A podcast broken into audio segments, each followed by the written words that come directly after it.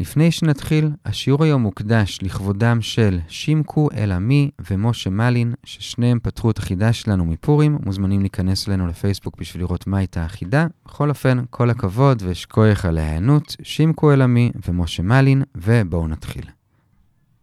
שלום לכולם, כאן אורי בריליאנט מאתר sny.org.il ואנחנו לומדים את דף נ' במסכת נזיר. היום יש לנו לימודי קצר, נתחיל בשליש העליון של עמוד א' ונסיים בשליש התחתון של עמוד ב'. השיעור היום יהיה 10 דקות.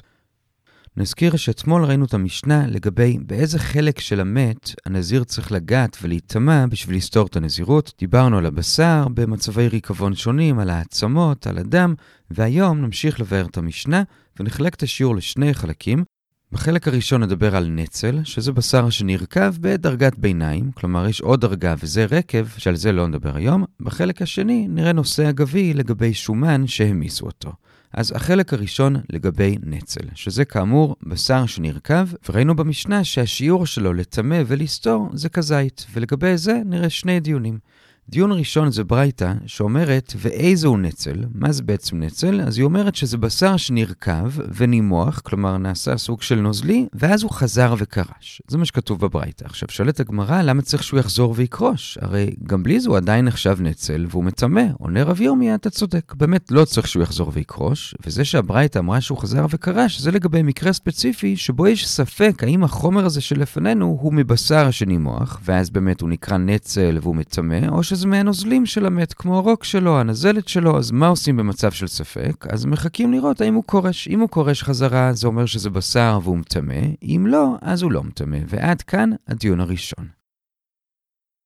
הדיון השני לגבי נצל, זה קצת מתחת לאמצע עמוד א', זה ששואל אביי את רבא, האם יש נצל גם לבהמה? כלומר, בלי קשר לדיני נזיר, האם בטומאת בהמה גם אומרים שהנצל מטמא? מה זה טומאת בהמה? אז נבלה של בהמה מטמאת במגע ובמסע, נבלה של עוף טהור מטמאת באכילה, בכל אופן זה מטמא, והשאלה היא, מה קורה אם הבשר של הבהמה או העוף הפך לנצל? האם גם הנצל הזה מטמא? זו השאלה של אביי, והגמרא מעירה בסוגריים שהשאלה הזו תלויה בשאלה אחרת שנמצאת בבכורות כ"ג, האם נבלה של בהמה מטמאת רק אם היא ראויה למאכל אדם, או שמספיק שהיא ראויה למאכל כלב. כלומר, כולם מסכימים שאם אפילו לא ראויה לכלב, אז זה כבר לא נקרא בשר, זה סתם כמו עפר, וזה ודאי לא מטמא. המחלוקת היא, האם צריך שהיא תהיה ראויה ליותר מזה? אז רבי יוחנן אומר שמספיק שהיא ראויה לאכילת כלב, ברפד אומר זה לא מספיק, אלא צריך שהיא תהיה ראויה למאכל אדם. והוא לומד את זה מהפסוק, כי כתוב בדברים י"ד, לא תאכלו כל נבלה, לגר אשר בשעריך תצננו והאכלה, משמע לכאורה שצריך שזה יהיה ראוי לאכילת הגר. בכל אופן, זו מחלוקת שם בבכורות, ועכשיו אם נחזור לנצל, נצל זה ברור לכולם שהוא ראוי רק לכלב והוא לא ראוי לאדם. ממילא, לפי בר פדה שצריך שיהיה ראוי לאדם, אז אין מה לדבר פה. ברור שאם זה לא ראוי לאדם, זה לא מטמא. אלא, כל השאלה של אביי לגבי נצל, זה דווקא לפי רבי יוחנן. כלומר, לפי רבי יוחנן, שמספיק שהבשר של הנבלה ראוי לכלב בשביל שהוא יטמא, עכשיו צריך לשאול מה לגבי נצל, כי מצד אחד זה אומנם ראוי לכלב, אבל מצד שני, אולי זה כבר לא נחשב בכלל בשר, כי זה נרקב. אז לסיכום, השאלה של אביי לפי רבי יוחנן, שבשביל שבשר נבלה יטמא, מספיק שהוא יהיה ראוי לכלב, האם גם נצל, שראוי לכלב, האם גם הוא מטמא בטומאת נבלה או בטומאת נבלת עוף טהור? עד כאן השאלה, והגמרא מנסה לענות על זה מברייתא, שמדברת באמת על נבלת עוף טהור. וזה שאומרת הברייתא, שאם אדם לקח שומן של נבלת עוף טהור וחימם אותה עד שהיא הפכה לנוזל, נוזל, ואז שתה אותה, כי כמו שאמרנו, נבלת עוף טהור מטמאת דווקא באכילה או שתייה, אז אומרת הברייתא, זה תלוי איך הוא חימם אותה. אם הוא חימם אותה באש, אז באמת היא מטמאת, אבל אם הוא חימם אותה בשמש, אז היא מסריחה והיא לא מטמאת. עכשיו, הגמרא מניחה שהמצב הזה של שומן שחיממו אותו בשמש והוא מסריח, הוא בעצם מקביל למצב של בשר שנעשה נצל, כלומר שניהם הרכיבו באותה רמה. ומה אנחנו רואים באותה ברייתא? שהשומן הזה שהסריח בשמש הוא לא מטמא. ממילא מכאן אפשר ללמוד גם לנצל, שגם שגם הוא לא יטמא בבשר נבלה. זו הראייה של הגמרא שזה לא מטמא, אבל דוחה הגמרא, אי אפשר ללמוד מאותו שומן, כי יכול להיות שהמצב של אותו שומן והמצב של הנצל הוא לא אותו דבר, כי הרי הנצל אמרנו מקודם שהוא כן ראוי לכלב. לעומת זאת, אותו שומן שהסריח בשמש ונמס, הוא אולי אפילו לא ראוי לכלב, ולכן הוא לא מטמא, אבל נצל אולי כן. ועד כאן הדיון השני לגבי נצל. שאלנו בלי קשר לנזיר, האם נצל של נבלה מטמא בטומאת נבלה? ניסינו להוכיח משומן שהוא לא, אבל דחינו, אולי הנצל כן. ועד כאן הדיון השני, ועד כאן החלק הראשון של השיעור לגבי נצל. החלק השני של השיעור, שתי שורות לפני סוף עמוד א', מובא כאן לגמרי בדרך אגב, וזה כיוון שדיברנו על שומן שהמחו אותו, הפכו אותו לנוזל, אז מביאים נושא אחר שתוך כדי הדיון עליו גם נזכיר שומן שהמחו אותו, ואגב גם נזכיר משהו שיותר קשור למשנה שלנו. בכל אופן, הנושא של החלק השני זה ניצוק. כלומר, אומרת המשנה במכשירין, מה קורה אם יש לי שני כלים? כלי אחד הוא טהור, ויש בו נוזל טהור, והכלי השני הוא טמא. ואני שופך את הנוזל מהכלי הטהור אל הכלי הטמא, כך שכל משקה שמגיע לכלי הטמא הוא מהנטמע. והשאלה היא, האם זה שהנוזל למטה בכלי הטמא הוא טמא, האם זה מטמא גם את הנוזל שעדיין למעלה בכלי הטהור? עכשיו, למה שזה יטמא? הרי לכאורה הם לא נוגעים, אלא שעקרונית אולי הם כן נוגעים, כי הרי תוך כדי פעולת השפיכה של הנוזל, יש פה איזשהו רצף של נוזל מהכלי העליון אל הכלי התחתון, זה נקרא ניצוק, כמו נוזל שיוצקים אותו, והשאלה היא, האם זה נחשב שזה מחובר, כך שאם מה שלמטה טמא, אז גם מה שלמעלה יהיה טמא. אז לגבי זה אומרת המשנה במכשירין, שסתם ככה ניצוק לא נחשב חיבור והוא טהור, חוץ מכמה יוצאי דופן. מה יוצאי הדופן? אז כאן יש תנא קמא ובית שמאי. תנא קמא אומר, חוץ מדבש הזיפים והצפיחית, שזה דבש סמיך במיוחד, וכיוון שזה סמיך, זה נקרא שזה כן מחובר וזה ניצוק. בית שמאי מוסיפים לזה שגם המקפא, כלומר תבשיל של גריסין או פול, גם הם נחשבים סמיכים וזה יוצר חיבור, ובית שמאי גם מסבירים למה זה נחשב סמיך ויוצר חיבור, מפני שסולדת לאחור. כלומר, שכשאתה מוזג את הנוזל של הגריסים הזה, אז כשאתה מפסיק למזוג, אז מה שהיה ככה בקצה של הכלי העליון, אפילו שהוא קצת התחיל כבר לצאת, ברגע שהפסקת,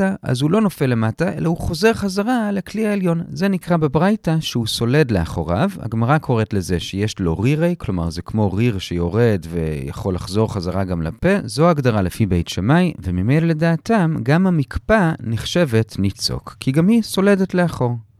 אז עוד פעם, לפי תנא קמא, רק דבש הזיפים והצפיחית, לפי בית שמאי, גם המקפא של הגריסים או הפול, מפני שסולדת לאחור. עד כאן מה שכתוב שם, ועכשיו שואל רמי בר חמא, האם יש ניצוק גם לאוכלין? כלומר, מה הדין של שומן שחיממו אותו באש והפכו אותו לנוזלי, האם גם שומן כזה שמוזגים אותו מכלי לכלי, האם גם הוא נחשב ניצוק? עכשיו, לפי בית שמאי, ודאי שהוא לא נחשב ניצוק. כי בית שמאי אמרו שההגדרה שלהם למה נחשב חיבור כשהוא ניצוק, זה שסולדת לאחור, והשומן הזה, אם תמזוג ואז תפסיק למזוג אותו, הוא לא סולד לאחור, ממילא לדעת בית שמאי, ודאי שזה לא נחשב ניצוק. אלא השאלה היא לא לבית שמאי, אלא לדעת תנא קמא. כשבעצם השאלה היא, מה הגדרה לפי תנא קמא? האם גם לפי תנא קמא ההגדרה היא שסולדת לאחור, רק שלדעתם, בניגוד לבית שמאי, רק הדבש הזה נחשב סולד, ואילו המקפא לא נחשב סולד, וכמובן שגם השומן הזה לא נחשב סולד, וממילא זה לא נחשב חיבור, או שלפי תנא קמא, ההגדרה היא אחרת לגמרי. אותם לא מעניין האם זה סולד או לא, אלא האם זה נחשב סמיך או לא. הדבש נחשב סמיך, המקפא לא נחשבת סמיכה, והשומן כן נחשב סמיך, וממילא הוא ייחשב ניצוק והוא מחבר. עד כאן השאלה, מה הסברה של תנא קמא, ועל זה הגמרא מנסה להביא שתי ראיות, אחת שזה ניצוק, אחת שזה לא ניצוק, אבל את שתי ראיות הגמרא תדחה. הראיה הראשונה זה של רבא מברייתא, שמדברת על מקרה אחר, לא שמוזגים נוזל מכלי לכלי, אלא מדובר שאדם לקח כזית של שומן וחימם אותו, והשאלה היא, האם זה נחשב באמת כזית? ולגבי זה יש רישא וסיפא, מה שמעניין אותנו זה הרישא, אבל קודם נראה את הסיפא. הסיפא אומרת שאם הוא לא לקח כזית שלם של שומן, אלא כמה חלקים שביחד זה כזית, והוא חימם אותם ביחד והחום המיס את זה והפך את זה לנוזל אחד, זה לא נחשב כזית, כי זה לא כזית טבעי, אלא הבן אדם חיבר את זה על ידי האש. זה הסיפא. הרי שאומרת שאם הוא לקח כזית שכן היה כזית שלם וחימם באש והמיס את זה, זה כן עכשיו כזית וזה מטמא. עכשיו, אומרת הגמרא, הרי לכאורה, תוך כדי שמחממים, אז השומן הזה, כמו שמן, הוא קופץ וגועש וקופצים חלקים מהשומן החוצה, ואומנם הם לא מתנתקים לגמרי, אבל הם מחוברים על ידי איזשהו קו דק, שאפשר להגדיר אותו כניצוק. ומה אנחנו רואים? שבכל זאת, זה כן נחשב כזית. כלומר, אנחנו לא רואים את אותן טיפות שעפו כטיפות שהתנתקו לגמרי ואז חזרו, כי הרי אז, זה כמו שאמרנו ברישה, לא נחשב כזית, כי זה חיבור שנעשה על ידי אדם, אלא כנראה שזה נחשב שהם מעולם לא התנתקו. אז הנה אתה רואה שגם בשומן שחומם, במקומם ניצוק כן נחשב מחובר. זו הראייה של רבא, אבל דוחה רבי זיירא, שם זה לא מקרה של ניצוק. מדובר שבישלו את אותו שומן בצורה כזאת, שזה לא קפץ ולא עף, והכל היה מחובר בגוש אחד, ולכן אין לזה שום קשר למקרה שלנו של ניצוק, זה לגבי הראייה הראשונה. הראייה השנייה זה של רבינה, והפעם זה ראייה שזה לא ניצוק, וזה שרבינה מניח שאם ההגדרה של בית שמאי זה שזה סולדת לאחור, אז כנראה שזו גם ההגדרה של תנא קמא, רק שלפי תנא קמא גריסים זה לא כזה סולד לאחור, וממילא אם זאת ההגדרה, אז כמובן ששומן שהעמיסו אותו הוא לא נחשב ניצוק, כי הוא לא סולד לאחור, מאוד פשוט. זו הראייה של רבינה, אבל דוחה הגמרא, מה פתאום? הרי זאת כל השאלה, האם באמת תנא קמא מסכימים להגדרה הזאת, או שלדעתם ההגדרה היא אחרת, ואז ממילא אולי זה כן ניצוק. אז גם הראייה השנייה דחינו, ובעצם נשארנו בלי תשובה, האם שומן שהרתיח אותו והעמיסו אותו נחשב ניצוק או לא, ובזה הגענו בערך לשליש התחתון של עמוד ב'. מחר נעבור למצב הבא של בשר רקוב, וזה רקב, שזה עוד יותר רקוב, אבל בינתיים נעצור כאן ונחזור על מה שראינו. חילקנו את השיעור לשני חלקים. בחלק הראשון דיברנו על נצל, ושם ראינו שני סעיפים.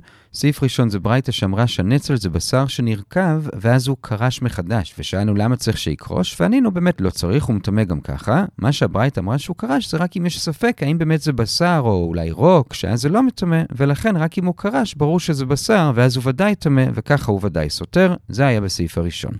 בסעיף השני, אביי שאל את רבא האם יש נצל לבהמה, כלומר לטומאת נבלה, והערנו שכל השאלה רלוונטית רק לפי רבי יוחנן, שמספיק שבשר נבלה ראוי לכלב בשביל לטמא, כי אם צריך ראוי לאדם, אז ודאי שהנצל לא ראוי לאדם. אז עוד פעם, לפי רבי יוחנן, שמספיק שראוי לכלב, והנצל ראוי לכלב, האם נצל נחשב בשר והוא מטמא? ניסינו להוכיח משומן עוף שחיממו אותו בשמש והוא הסריח, ולכאורה הוא נחשב כמו נצל, ורואים שהוא לא מטמא, אבל דחינו, אולי שם זה לא ראוי אפילו לכלב, ולכן אין ראיה, וזה היה הסעיף השני, נשארנו בלי תשובה, ועד כאן החלק הראשון.